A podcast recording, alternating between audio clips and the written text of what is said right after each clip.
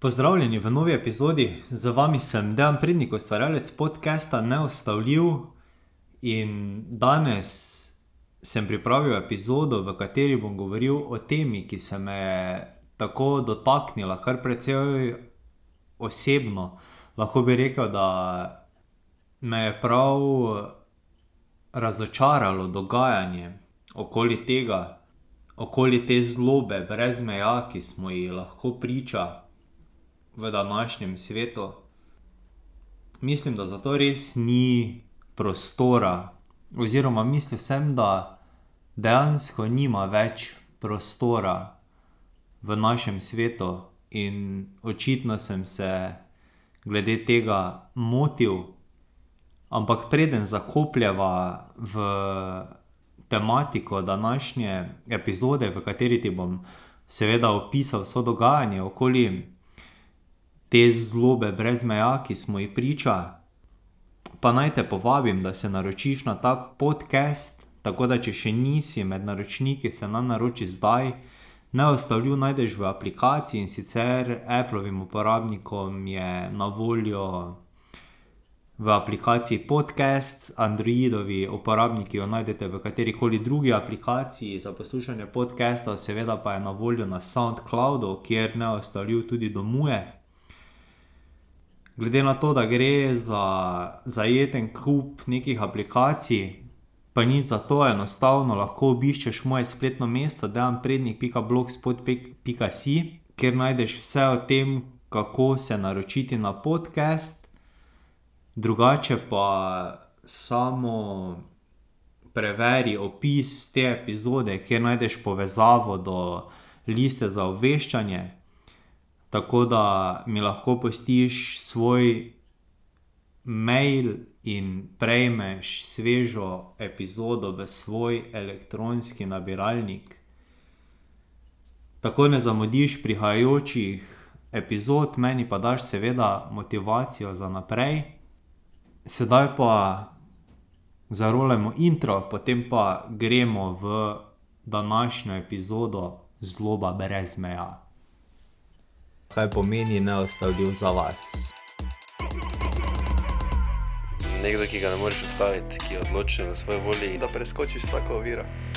Nekdo, ki je maksimalno osredotočen k realizaciji zastavljenih ciljev. Rineš se naprej. Nekdo, ki ne dopušča, da bi ga okoliščine odvrnile. Nekdo, ki ima idejo in željo. Takole in smo noter v sveži epizodi Neustavljiv, ki danes nosi naslov Zloba brez meja. V njej pa bom govoril v začetku o političnem preigravanju, ki pa se bo potem, razvilo v to osebno tendenco do, do tega, da se udejstvujemo v tem političnem smislu.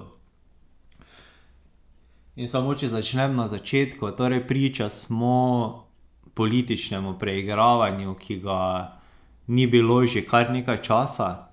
Če smo natančni, potem od, prejšnje Janševe vlade oziroma od njenega odstopa.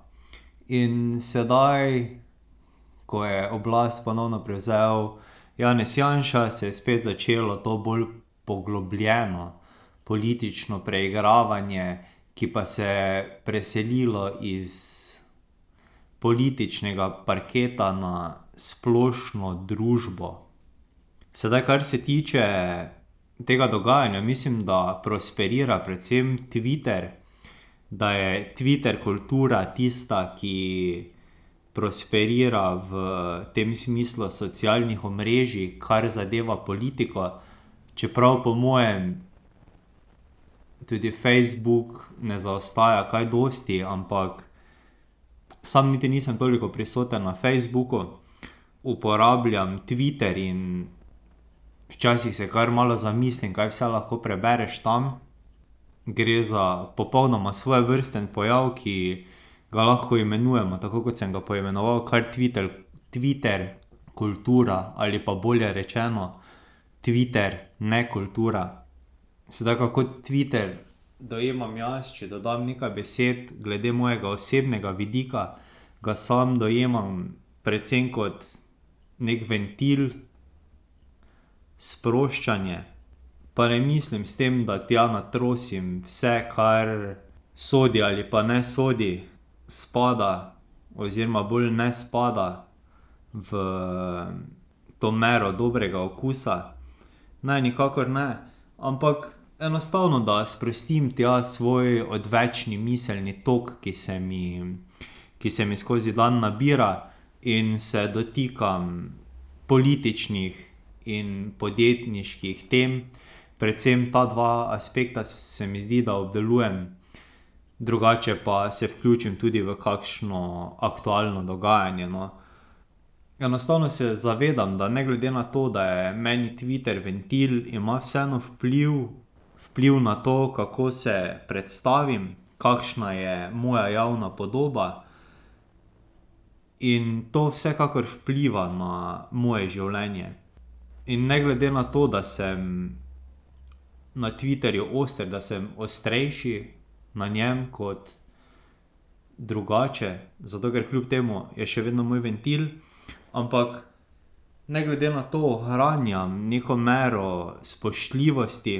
In to spoštljivost ohranjam tudi na račun popularnosti, če tako rečem.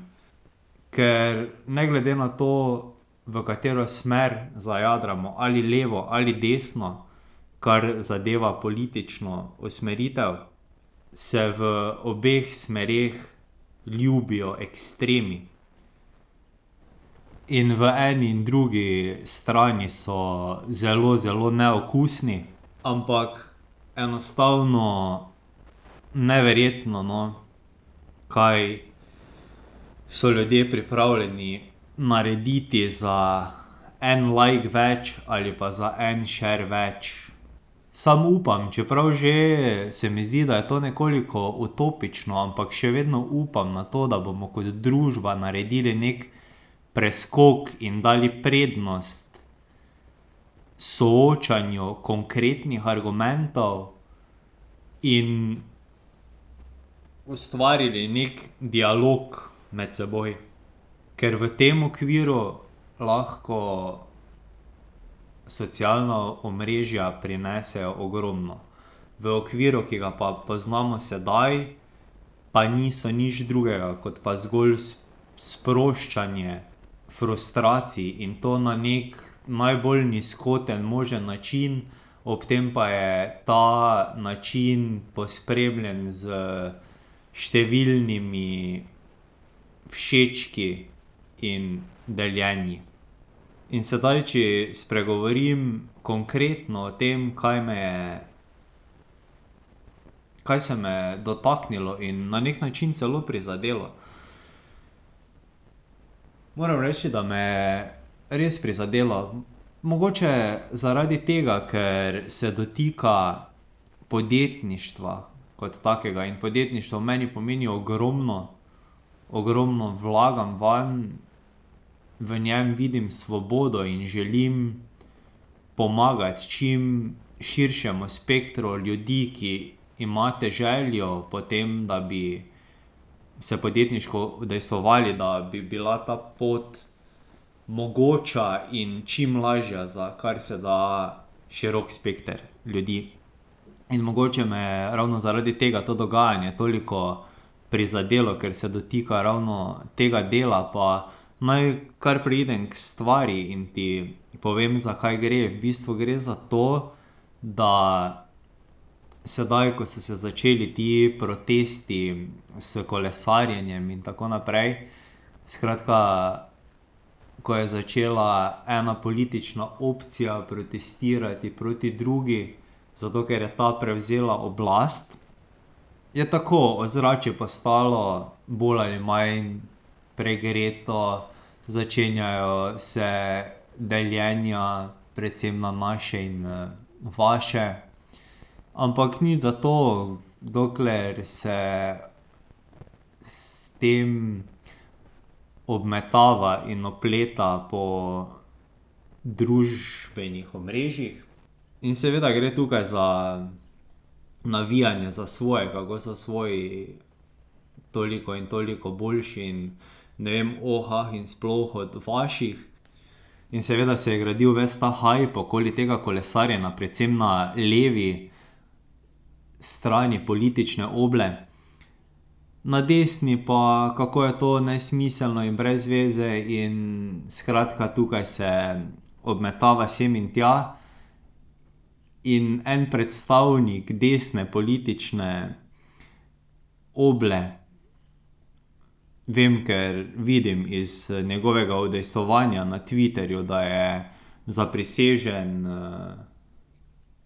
desnemu delu politike, je za mene prišel z res eno tako inovativno zbadljivko glede tega kolesarjenja.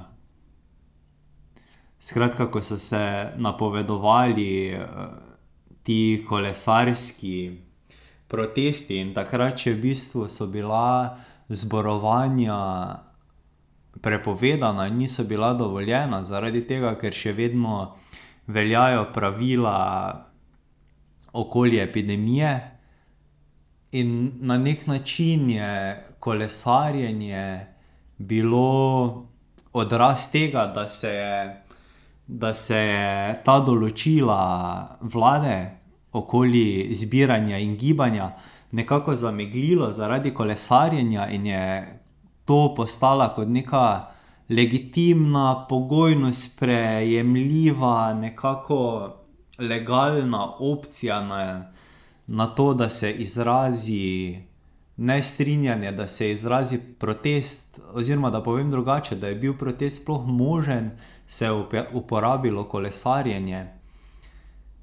Zaradi tega, ker so drugače bila množična zborovanja prepovedana, sicer se je potem izkazalo, da tudi s tem kolesarjenjem to ravno ni bila posrečena izvedba, ker še vedno so se kršila določila.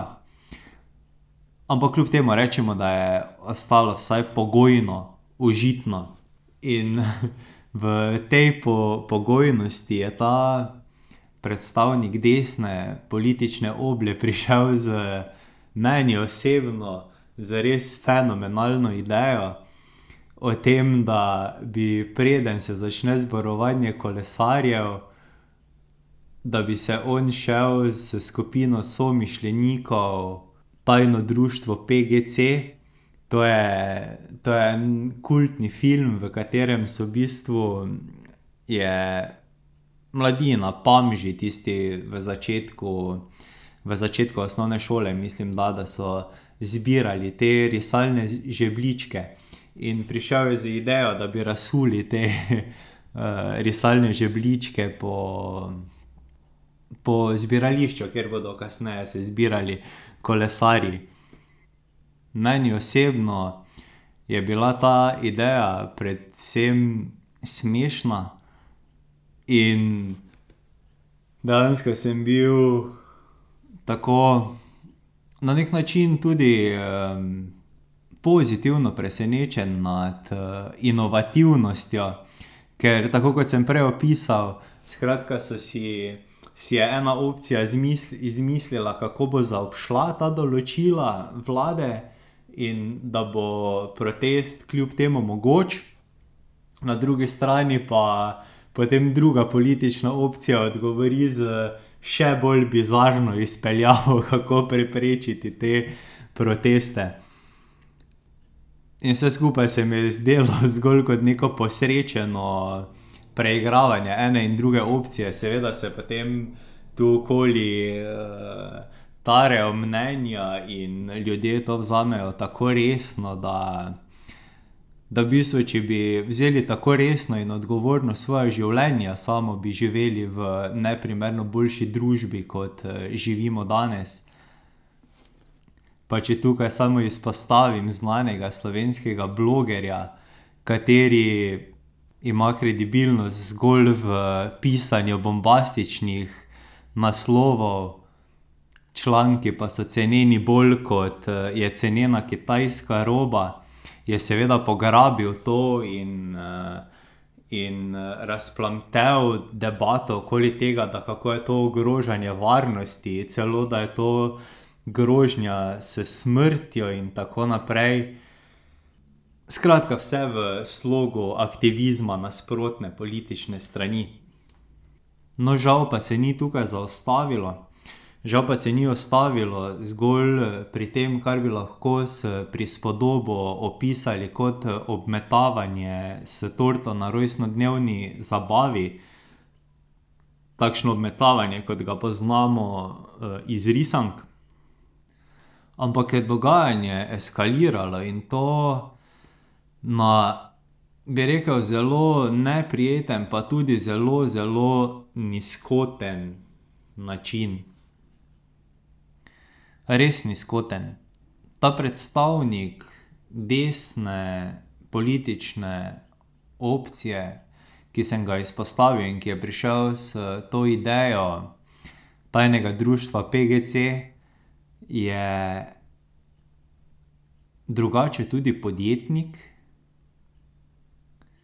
Ima družinsko podjetje, v katerem se ukvarjajo s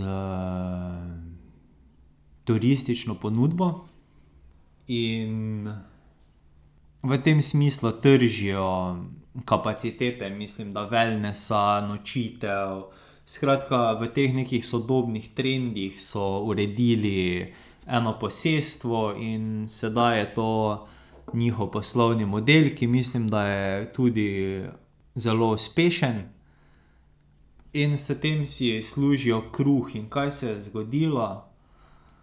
Ogromno aktivistov nasprotne politične opcije je napadlo družbena omrežja tega podjetja in pustilo negativne ocene z negativnimi komentarji, da želi lastnik tega posestva, slabo, da je na posestvu ogromno ostrih, predmetov, ki, so nevarni, da je posestvo nevarno, in seveda so pustili negativno oceno.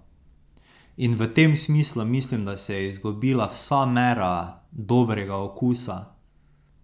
Eno je, ko se z zmerljivkami, z zbadljivkami obmetavamo osebno, drugo pa je, ko začnemo nekomu škodovati v širšem smislu.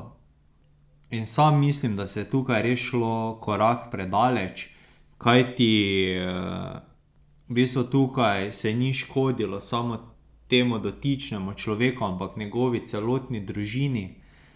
Ker kolikor vem, gre za družinsko podjetje, v katerem se trudi vsa družina, in mislim, da ni prav, da se na ta način obračunava z ljudmi in izkazuje svojo moč, ker tukaj pa mislim, da ne gre več zgolj samo za neko zmerjanje in zbadanje, ampak za namerno povzročanje škode. In če smo striktni, celo gre do te mere, da želimo nekoga utišati do tega, da izraža svoja politična mnenja. In to podjetnika. Podjetniki imamo pravico do svojega političnega mnenja in pravico do tega, da svoja stališča izražamo. Predvsem pa se gre za to, česa se v Sloveniji res ne zavedamo, da je podjetništvo naša hrbtenica, da je podjetništvo tisti vitalni del družbe, na katerem sloni država. In če gre nekdo to počet, pomeni, da posredno v bistvu ruši državo, ker tako, kot sem rekel, govorimo o nekem posestvu, ki trži wellness in nočitve. Sedaj, koliko to posestvo oziroma koliko turizem nasploh v Sloveniji živi od slovenskega turista, mislim, da sploh ni potrebno debatirati, ker vemo, da je naš turizem odvisen od tujih obiskovalcev. In v tem smislu, če greš ti rušit praktično z lažmi nekomu poslovni model, pomeni, da škodiš celotni državi, zaradi tega, ker evro, ki ga pusti tuj turist pri nas, je vsaj dvakrat več vreden kot evro, ki ga zapravi domač turist. To je prvo. Drugo, vsaka izgubljena stranka pomeni manj plačanih davkov v davčno blagajno, pomeni manj prihodkov, pomeni manj vlaganj. In skrajni čas je, da se začnemo tega v naši državi zavedati.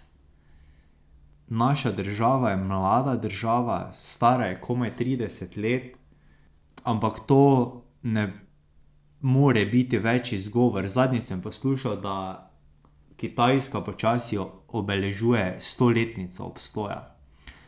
v sto letih so uspeli postati praktično vodilna sila v svetu. No, iluzorno bi bilo pričakovati, da bo to postala Slovenija že zaradi svoje majhnosti in ostalih kapacitet. Ampak nikakor pa ne pomeni, da ne moremo postati pionirji v določenem področju. In to bomo lahko postali samo tako, da se bomo razvijali in razvijamo se lahko samo na platformi podjetništva. To dogajanje se me je res dotaknilo in celo prizadelo na neki način zaradi oziroma me je prizadelo zaradi tega, ker ruši podjetništvo. In to na tako nizkoten način, da se mi zdi kar neverjetno, da smo sposobni nekaj tako podlega sproducirati v naši družbi. Seveda pa ni to osamljen primer, že čez nekaj dni se je pač na nasprotni tapeti znašla odlična slovenska kuharica, mednarodno priznana Ana Roš, ki svoje znanje udejstvuje v Hiši Franko, in seveda se zaradi nekega komentarja na Twitterju, kjer je enako izražala svoja, prepričanja, znašla na tapeti nekega medija, ki je popljuval vse njeno delo, popljuval njene stranke, popljuval skratka vse, kaj počne v življenju. Sicer je primer bolj blag od prejšnjega primera že zaradi tega, zato ker se ni dotaknilo direktno njenega poslovnega modela, ampak gre za neki članek v nekem mediju, nekem mediju, ki je verjetno spremljan manj kot medobčinska nogometna liga šestega kolena. Ampak kljub temu spet podjetnik, ki izrazi svoje mnenje. Neverjetno, kam smo zajadrali. Mislim, da se moramo tukaj res ustaviti in konkretno zamisliti, ker če komu, potem podjetnikom ne smemo vzeti besede. Sicer se je ta medij kasneje opravičil, ampak kljub temu. Neverjetno, kaj zmore človeška podlost in zloba. Res zloba brez meja. In vse to priča o razdvojenosti, o razdeljenosti. V bistvu en tak primer v svetu poznamo. In ta primer je Afrika. Afrika je tako razdeljena, skregana med seboj, ne samo med seboj, znotraj sebe. Kjer je vseprisotna korupcija, kjer danes vlada eden, jutri drug. Nikoli se ne ve, kaj se bo zgodilo. Pravila igre niso jasna. Gre za popolno razdeljenost. Popolno medsebojno razdeljenost. To je Afrika. Ali bomo postali Afrika? Upam, da ne. Čeprav sem včasih mislil, da ne, ampak danes pa začenjam upati, da ne. Nisem ravno prepričan, da se zavedamo, kaj se dogaja na trgu. Pač močni niso več tako močni in sile moči so v premikanju, priložnosti pa danes niso stvar izbire, ampak ali se te priložnosti izkoristijo ali pa se izpustijo. In ko se izpustijo, so izgubljene za več ali manj vedno. In v tem je največja nevarnost ta neenotnost, ta razdeljenost, ki je nevarna in kateri bi se morali izogibati na vse možne načine. Vse bolj pa se zdi, da jo želimo, da jo celo občudujemo in imamo v čistih. Dejstvo je, da si podjetniki ne smemo pustiti vzeti besede, pa naj stane, karkoli hoče, na drugi strani pa se moramo naučiti delati s tistimi, ki ne delijo našega mnenja oziroma ki ki nas zaradi tega celo sovražijo. Sovražijo tako močno, da so pripravljeni zrušiti naš posel. Zato naj ti za konec predam še nekaj napotkov glede tega, kako se obnašati in kako tretirati tiste, ki sovražijo. V prvi vrsti nikakor ne bodi tisti ali pa tista, ki sovraži. Enostavno ne podlegaj in ne postajaj oseba, ki ruši delo drugih. Svet potrebuje več ljudi, več takšnih ljudi, ki doprinesejo s svojimi darovi, s svojim delom, s svojimi idejami k boljšemu jutri. In da to storiš, je potrebno ogromno, ogromno poguma, zato raje podpiraj takšen pogum, kot pa da rušiš trud in pogum in delo drugih. To je v prvi vrsti. Torej ne bodi tisti ali tista, ki sovraži.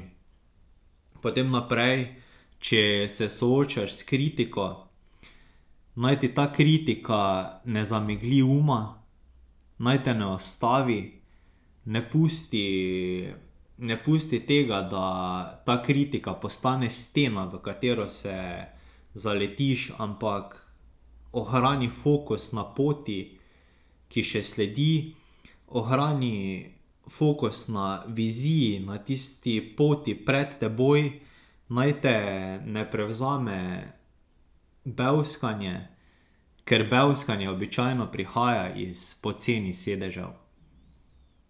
Če se pa odločiš, da se odzoveš, in včasih se enostavno je potrebno odzvati, pridejo situacije, ko moraš odreagirati, pa naj gre še za tako brezvezen bevsk, potem pa ti svetujem to, da nergače presenetiš s svojim odzivom. Nikakor ne igraj njihove igre. Ubij jih s prijaznostjo ali pa, veš, kaj jaz naredim večkrat? Večkrat dokažem svoj prav tako, da se z njimi strinjam. Da rečem: "Ja, točno tako je, zaradi tega in tega." In potem se še jim zahvalim za doprinos, da so doprinesli k temu, da sem še podkrepil svoje mnenje. Elegantno in zvito. Ampak nikoli in res nikoli ne igraj njihove igre. Ker to je v bistvu vse, kar imajo.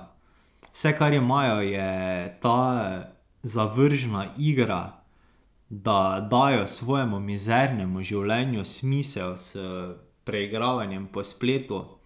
S tem, da dokazujejo svojo pomembnost, tako da rušijo in dajejo v nič delo drugih. Enostavno ne igraj te igre. Igraj svojo igro in sprejemaj odločitve, ki so pomembne zate. Ker veš kaj? Ne glede na vse, ne glede na to, koliko prav narediš stvari, ljudje te bodo kritizirali tako ali pa drugače. In če ne zaradi drugega, potem zaradi tega, ker si jim ogledalo, da je mogoče. ker jim dokazuješ, da je mogoče vse, za kar pravijo, da nikakor ni mogoče. In že zaradi tega te bojo kritizirali. Tako da ja, kritizerji bodo vedno prisotni in zato se je potrebno naučiti pravilno odreagirati na njihova dejanja. S tem izhodom sem ti dal nekaj iztočnic glede tega, kako se odzvati na kritizerje, za konec pa te vabim, da si vpišeš na listo za obveščanje. Povezavo do tja najdeš v opisu te epizode. Drugače pa me najdeš tudi na Facebooku, Twitterju in Instagramu pod afna Dejan Prednik in seveda hashtagom neustavljiv, tako da se lahko poveževa tudi tam. Tako mi lahko pustiš kakšno vprašanje, na katerega bom odgovoril v kateri izmed prihodnjih epizod. Za danes pa se ti zahvaljujem za poslušanje in ti želim nasvidenje.